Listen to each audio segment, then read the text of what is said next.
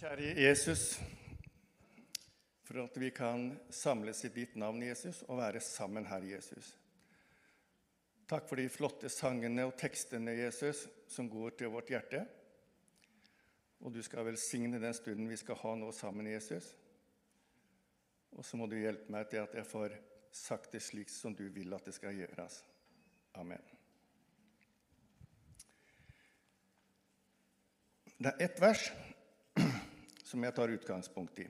Og jeg syns det passer veldig bra ut ifra det som ble sagt litt tidligere her, og de sangene som har blitt sunget. Jeg har ikke visst den preken her til noen, så Gud, han er nok med.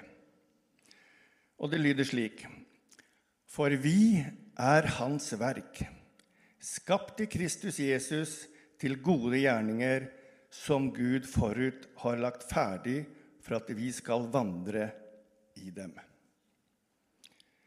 For liksom legemet er dødt uten ånd, slik er også troen død uten gjerninger, sier Jakob. Og det står også flere plasser i Guds ord om at vi skal være et forbilde i gode gjerninger, alltid ferdig til å gjøre godt, legge vind på å gjøre gode gjerninger, ordets gjører, vise våre gjerninger, ferd, ferd, gode ferd og vise våre gjerninger i ydmyk visdom og etter som hans gjerninger er. Jeg tenker en, noen ganger at når vi hører alt dette, så blir det sånn at ja, hva må jeg gjøre for at jeg skal gjøre dette her? Jeg må jo være god, jeg må jo være, vise at jeg er flink, jeg må vise at jeg bryr meg. Jeg må, det blir Men så kan vi også bli den andre veien og mismodig. At, nei, men du skjønner det at det, dette er ikke noe for meg. Jeg er ikke sånn som kan prate med noen. Jeg kan ikke ta initiativ til noe. Så dessverre, så det, det er ikke meg.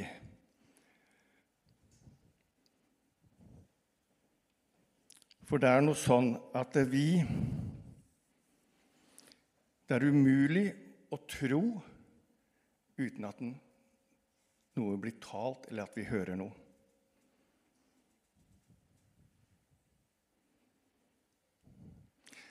Da er det viktig å vite hva vi skal høre på.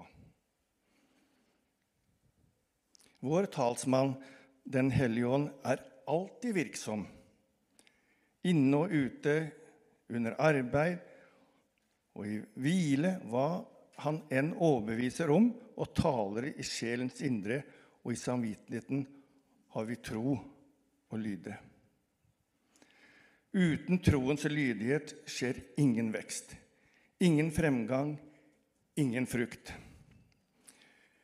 Jeg skal lese noen ord som jeg har klept ut, som Anne Gustavsen skrev i en nyttårstall en gang. Jeg syns det passer så inn. Det handler ikke om hva du føler for, men hva du bestemmer deg for. Det handler ikke om hvor mange oppgaver du har i din lokale kirke, eller hvor mange kristne komiteer du sitter i. Det kommer ikke an på hvor mange år du har sittet i Eldsterådet eller ledet lovsang. Vi spør om hvor stor plass Jesus og relasjonen mellom deg og ham er. Og har han i ditt liv? Hvor godt kjenner du ham? Hvor mye snakker du med ham? Hvor mye ære gir du ham i måten du lever ditt liv på? Hvor mye preges du av ham, slik at det merkes blant dine venner, kolleger og naboer? Hvor godt kjenner du hans stemme? Kan han snakke med deg og vise deg hvor du skal gå, hvem du skal dele ditt vitnesbyrd med, hvem du kan legge hånd på og be for midt i en lunsjpause? Det er slik at til mer vi leser Guds ord, jo nærmere kommer vi Han. Og vi kjenner at vi får mer lyst til å være lik Han. Til mer tid vi bruker, jo mer kjent blir vi i Guds ord og kan si i situasjoner hvor vi trenger hjelp På ditt ord. Tenk på det. Når vi kommer i vanskeligheter, når det kan være stormer på, og vi holder oss og holder oss til nær til Jesus, så er vi kjent med Han. Og Da kan vi minne ham si, 'På ditt ord, Gud, vil jeg gjøre'.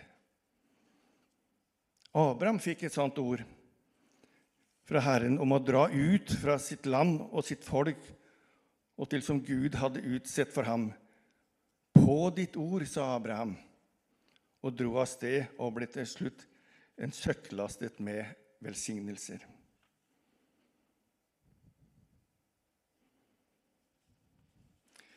Vi er virkelig kalt og utvalgt til å få del i et rikt og velsignet liv. Og veien dit, det er på ditt ord. Hvor godt er det ikke å kunne si på ditt ord kaster jeg min sorg på deg, for du har omsorg for meg istedenfor å la seg knuge ned av bekymring og sorg for både dette og hint. Kampropet er på ditt ord, og det vil lykkes i liv og tjeneste. Så tilbake til slutten på det vi, som jeg leste innledningsvis.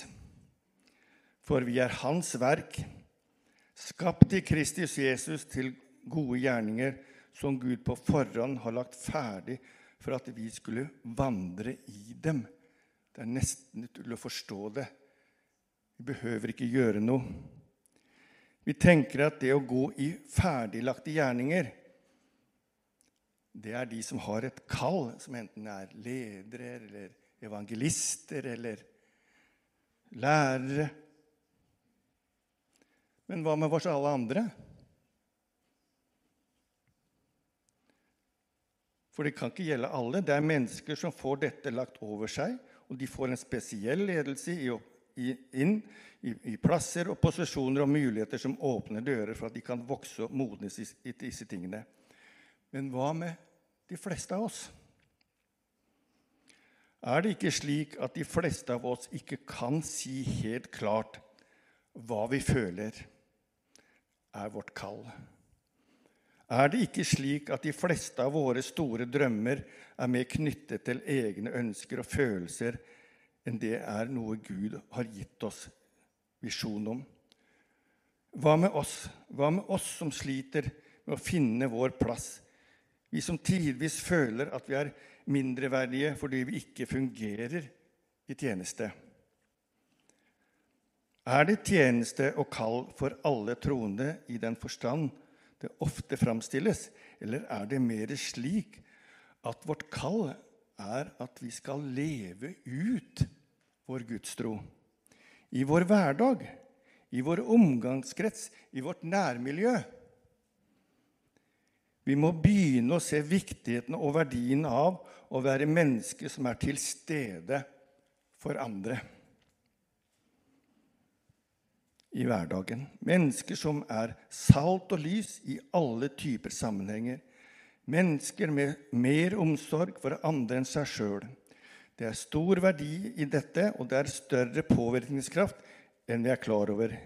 Like viktig som at vi går ut i hele verden som Jesu vitner, er det at vi går ut i hverdagen som Jesu vitner. Vi trenger ikke lete med lykt og lupe etter alle verdens unike og spesielle muligheter. Vi trenger å være trofast og tjenestevillig i vår vanlige hverdag. Vi får gå i ferdiglagte gjerninger. Det er plutselig noen som trenger en klem eller en oppmuntring. oppmuntring. Plutselig noen som trenger et lyttende øre. Noen trenger en håndstrekning, mens andre trenger litt ekstra penger.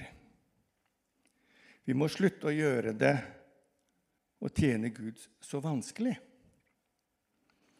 Ofte er det viktigst at vi er trofaste i hverdagen og er vi det, vil, også, vil vi også se og kunne benytte alle de gjerninger Gud har lagt klare for oss.